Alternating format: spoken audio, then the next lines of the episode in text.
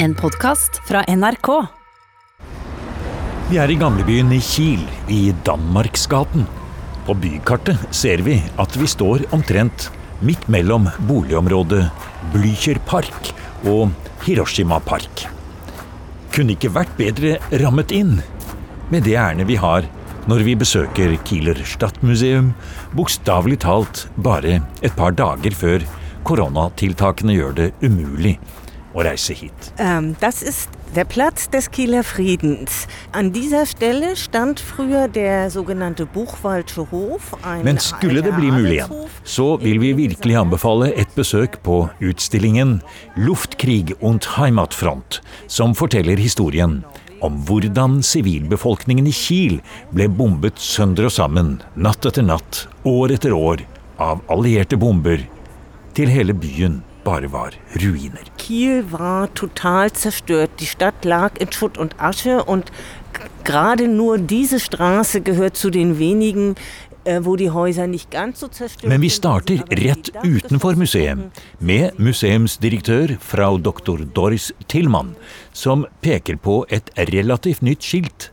på en stensatt plass rett bak bygningen som huser Bymuseet. Das ist ähm, der, der Grundstein für die Neuordnung, territoriale Neuordnung Skandinaviens. Und äh, von den Norwegern habe ich gelernt, dass da auch die Staatsgründung Norwegens eng im Zusammenhang mitsteht. Historiker Doris Tillmann synes det er morsomt at museet hun leder ligger akkurat på det stedet Kiel hvor den berømte Kielertraktaten ble undertegnet i desember 1813. Det skapte en nyordning for hele Skandinavia, som hun sier. Og da tenker hun på at adelshuset fra middelalderen som en gang sto her, og som ble sprengt i stykker under annen verdenskrig, var stedet der kronprins Karl Johan tvang danskekongens utsendinger til å skrive under på traktaten som startet det store spillet med Eidsvoll og 1814 Grunnloven og til slutt 1905. Ich suche Jutta Brille. Ja, die Dame müsste jetzt, wenn sie die Treppe... wie- gehen Det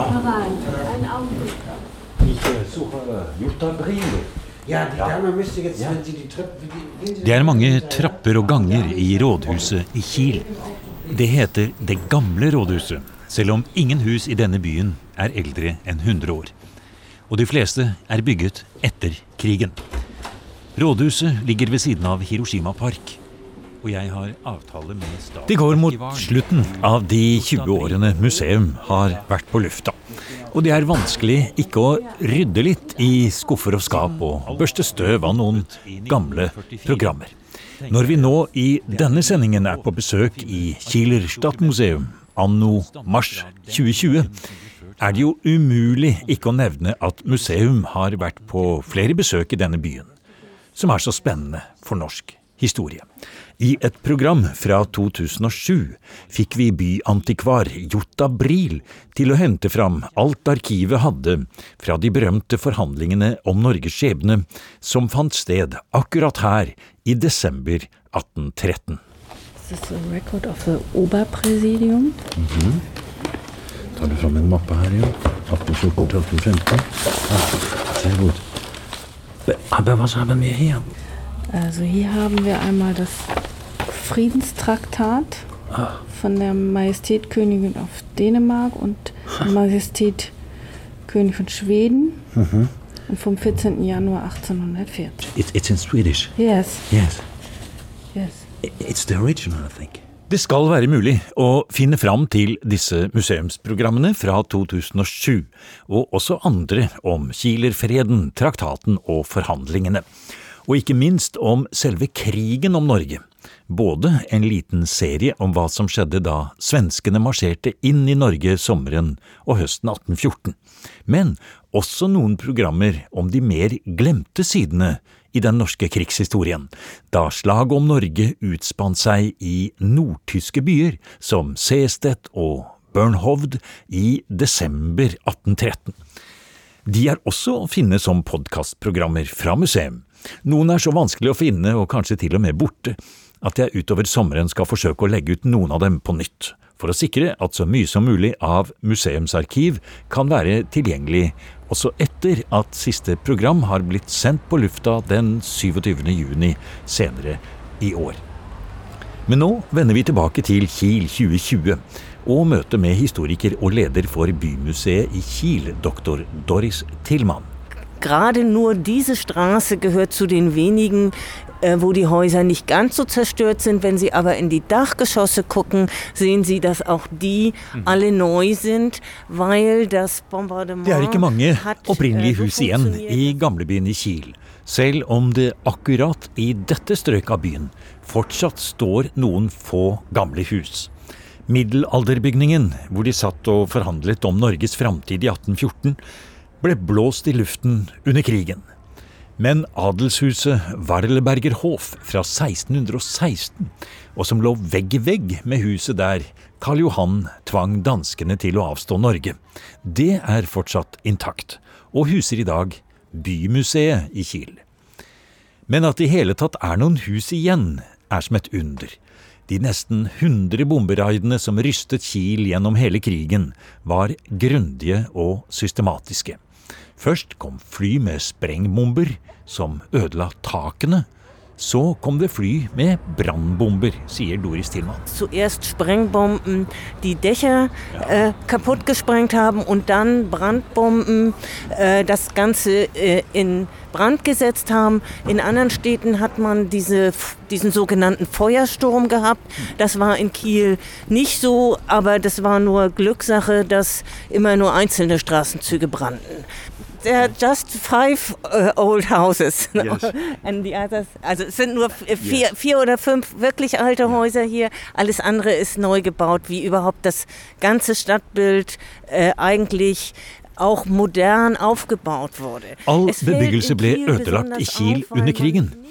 Men svært lite ble gjenoppbygget i gammel stil, slik de gjorde det i Hamburg og Dresden, sier Doris Tillmann. Her i byen ville vi ha en klar grense mot historien, mot alt det keiserlige og alt det som kom i mellomkrigstiden, sier hun. Kiel ble gjenoppbygget som en ny og moderne by, med svært få spor etter middelalderbyen som en gang lå her. Es fällt in Kiel besonders auf, weil man nicht alte Häuser rekonstruiert hat, sondern äh, einen komplett neuen, äh, modernen Neuanfang haben wollte, um auch wirklich zu sagen, wir grenzen uns ab vor dem, was unsere Geschichte war. Äh, Gerade in Kiel ist das so, in anderen Städten in Lübeck, da haben wir den Wiederaufbau der Altstadt gehabt. In Dresden auch später, aber, äh, aber hier hat man Kommer vi opp trappa her, så står vi og ser på et kjempestort bilde fra verftet i Kiel. Die großen Schlachtschiffe, die eigentlich, deren Bau eigentlich verboten war durch den Versailler Vertrag, äh, dieser Bau wurde wieder aufgenommen ab 1935. Das deutsch-britische Flottenabkommen hat quasi den Versailler Det første som Vertrag møter oss i den nye utstillingen om luftkrig und Heimatfront på Bymuseet i Kiel, er et enormt bilde av et stabelavløp på det keiserlige krigsverftet, som i all moderne tid har vært ryggraden i byens eksistens. Fra midt på 1930-tallet ble det bygget store krigsskip her, stikk i strid med det som var avtalt i Versailles-freden. Og det vi ser på bildet i trappeoppgangen, er selveste slagkrysseren Blücher, som vi kjenner igjen fra 9. april. Rundt den flotte båten står tusenvis av sivile borgere i Kiel i sin beste stas, pluss uniformskledde nazimedlemmer i hundrevis, med hakekorsbanner, den tyske ørn og girlandere med Heil Hitler. Alle er med, alle hyller det tyske nasjonalsosialistiske Arbeiderparti og den nye føreren. Das ist ein Bild, was unsere Besucher heute auch sehr fasziniert. Ja. Ähm, man hat vieles davon im Fernsehen gesehen und, und äh, kennt äh, viele Geschichten dazu, aber wenn man diese Bilder jetzt in dieser Größe hier sieht, Dette er et bilde som forbauser, særlig de unge som kommer hit til utstillingen, sier museumsdirektør Doris Tillmann. At oppslutningen og Hitler-hilsenen var så unison og så begeistret, er det vanskelig å tro i dag. Men sånn var det, sier Tillmann. Så godt som alle var med. Og når krigen kom, var det full oppslutning om den også, sier Tillmann, som legger til at det knapt var noen som i begynnelsen av krigen en gang kunne forestille seg hva luftkrig og terrorbombing kunne gjøre. Nein, man hat es nicht, nicht äh, sich überhaupt nicht vorstellen können, was da kommt. Und ich glaube, das ist etwas, was wir, äh, was wir gut nachvollziehen können. Die Macht der Zerstörung, die da auf die Leute zukommen sollte, man konnte es sich nicht vorstellen. Und wenn man das gekonnt hätte. Husk, det hadde jo ikke vært krig i Kiel på over 200 år, og selv under første verdenskrig hadde byen og verftet unngått ødeleggelser, sier historiker Doris Tillmann. Og moderne krigføring med fly og bomber, det var jo også noe nytt i seg selv, og selv om NS-myndighetene bygde luftvernstillinger og bomberom for sivilbefolkningen, ble det forklart med at man kanskje kunne vente noen mindre luftangrep, men det var ingen forvarsler om de voldsomme angrepene fra luften. Det var jo slik, sier doktor Tillmann, at alt var mørklagt, og for at flyene skulle treffe sitt mål, nemlig marineverftet, måtte de teppebombe store områder av byen. Es brauchte für die Ziele der Alliierten, nämlich unsere Kieler Werften hier zu zerstören, äh, eine Flächenbombardierung. Erst damit konnte man sicher sein, dass man die ganze Werft dann auch getroffen hat. Det ble snakket om 1000 bombefly om gangen, i natt etter natt. Det var gigantisk, og hvert fly hadde jo flere bomber og gjorde flere turer over byen. Also es gab äh, riesige Fliegerstaffeln, sogenannte 1000 Bomberangriffe, wo wirklich 1000 Flieger kamen. Äh, das muss man sich vorstellen, das ist gigantisch. Ich, also ich glaube, heute kann man es sich nicht mehr vorstellen. Und äh, die haben nicht nur eine Bombe an Bord gehabt, sondern doch auch mehrere. Und äh, damit äh, wurden ganze Quartiere äh, zerstört. I utstillingen henger det luftfotografier av byen som ble tatt av det britiske RAF like etter at krigen var slutt. Det meste av Kiel er helt ødelagt, og særlig de områdene som lå ut mot den lange fjordarmen, som alle som har tatt Kieleferga har lagt merke til. Om natten var alt mørkt på land, under blendingen, sier doktor Tillmann, men månen kunne speile seg i vannet på fjorden og vise ganske tydelig for de allierte bombeflypilotene byen lå. Für Kiel war natürlich äh, immer das Besondere, die Förde war eine Markierung, auch bei Nacht, da spiegelten sich Lichter drin.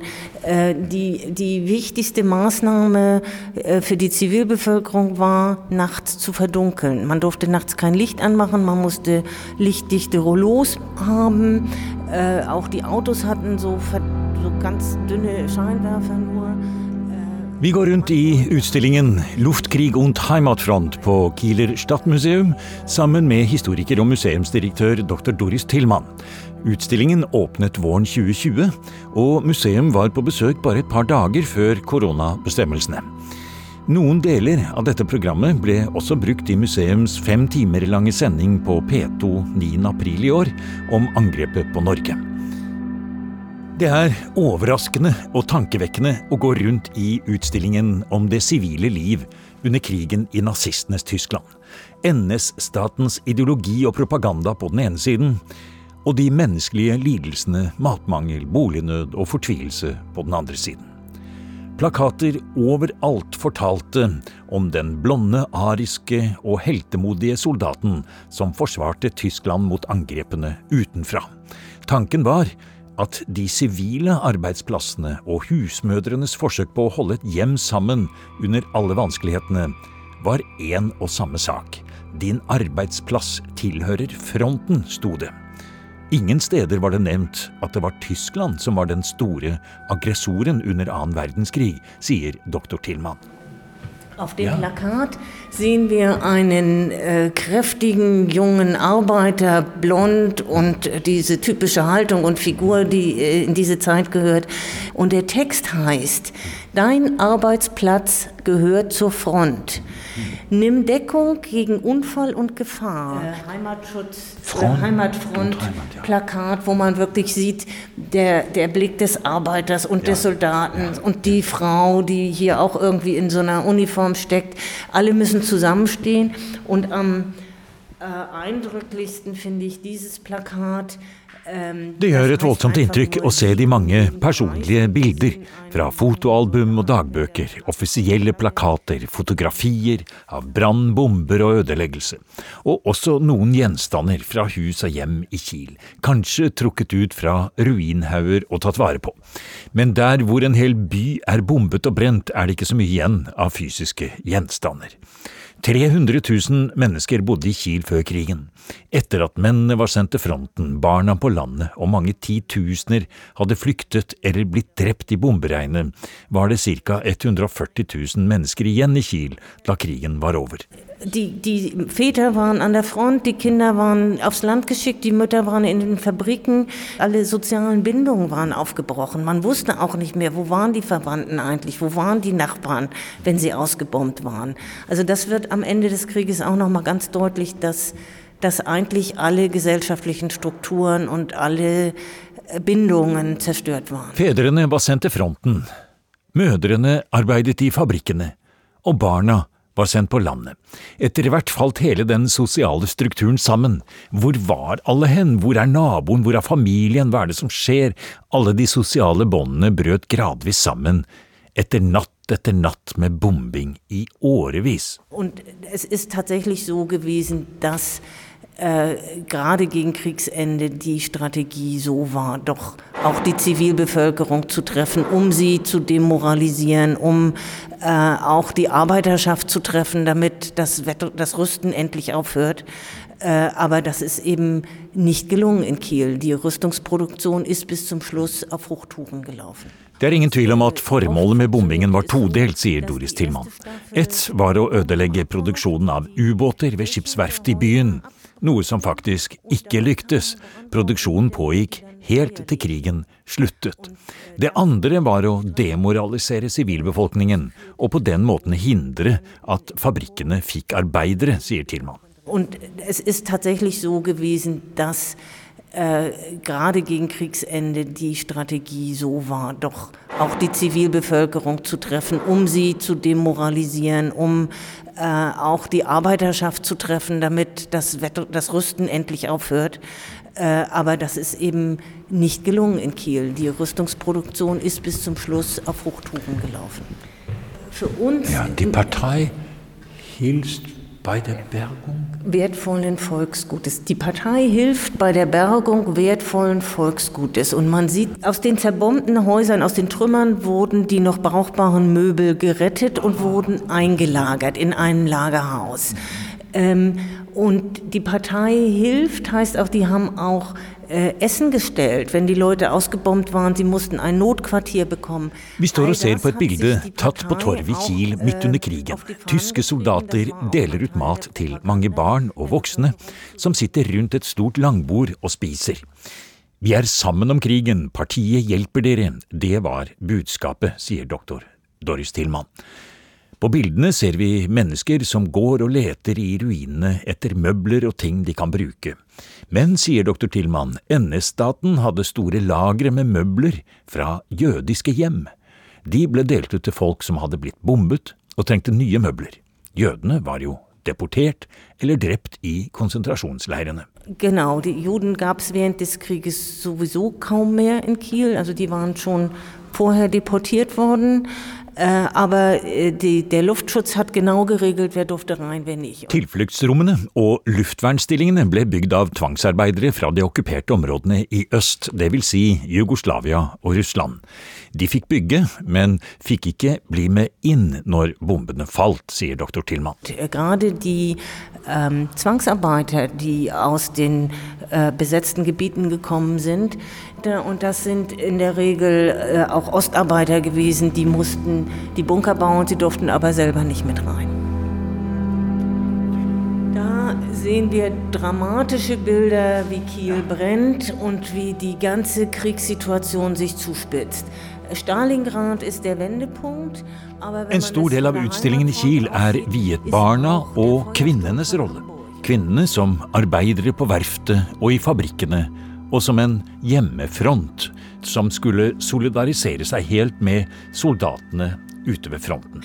Ja, zum einen zu Hause, ähm, um äh, die, die ähm, Familien und insbesondere ja auch ihre Männer zu versorgen, äh, dafür zu sorgen, dass alle auch äh, was zu essen bekommen und äh, die Gesellschaft aufrechterhalten bleibt und insbesondere auch äh, bei den Arbeitsdiensten mitzumachen. Etter hvert som de fleste menn, både unge og gamle, var sendt til fronten, og barna oppholdt seg i sentraliserte skoler og barneleirer langs Østersjøkysten, bl.a. i ferieanlegget Prora på Rygen, og spesielt etter at tyskerne ble slått ved Stalingrad i 1943, ble det kvinnene som måtte ta over store deler av produksjonen på verftet i Kiel.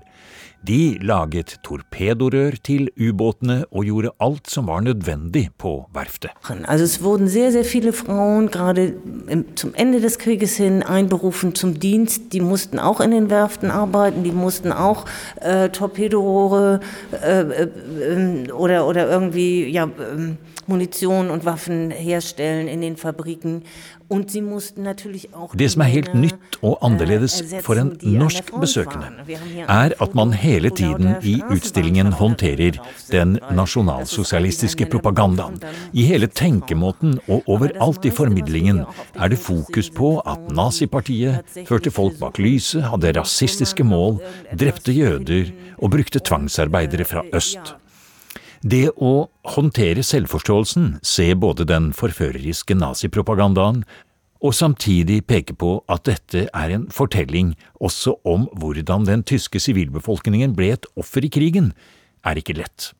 Men dette er jo en historie om at Tyskland både var en aggressor og et offer, sier Doris Tillmann. Also ähm, wie gehen wir damit um und wie erinnern wir uns daran? Das ist eine Frage ja, unserer Erinnerungskultur und ähm, wir möchten schon deutlich sagen, ähm, die Deutschen sind die Aggressoren, sie sind die Besiegten, äh, sie sind die, äh, auch die, die Ausgebombten sind die Opfer.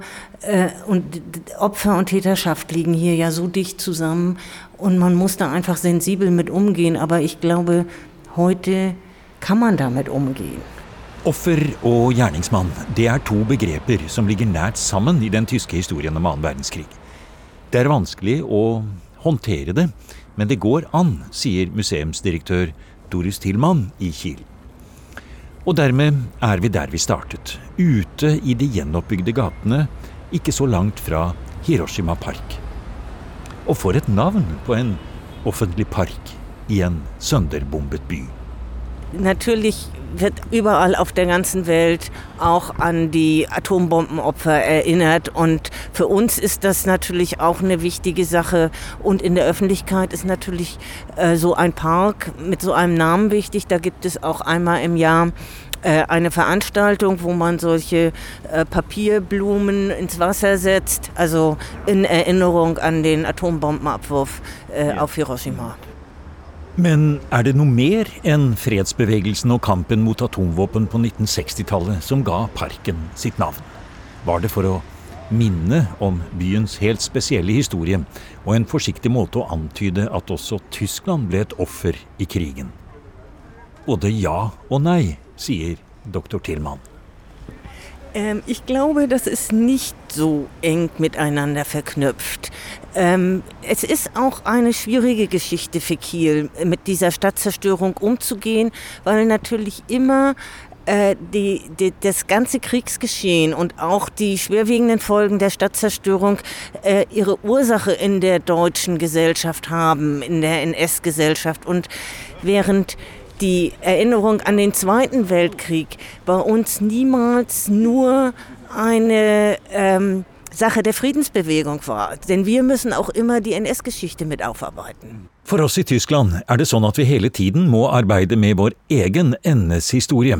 Hvor dypt gikk det? Hvordan ble 1950- og 60-tallet preget av at omtrent alle var med, spør Doris Tillmann, og peker på et bilde fra utstillingen som viser jubel i gatene og varm velkomst da de britiske troppene marsjerte inn og inntok Kiel i mai 1945.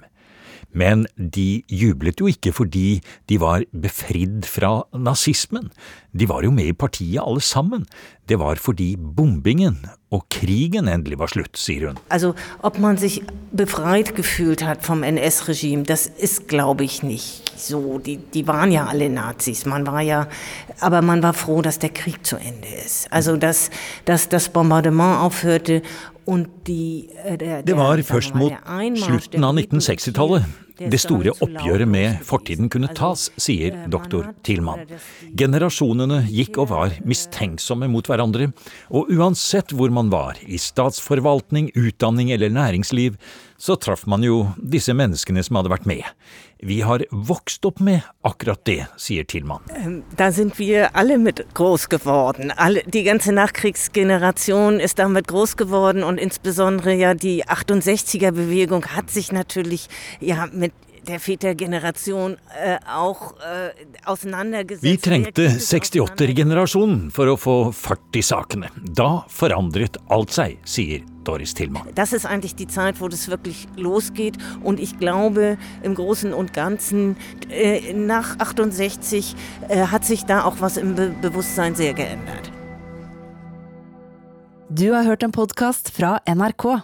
Hør flere podkaster og din NRK-kanal i appen NRK Radio.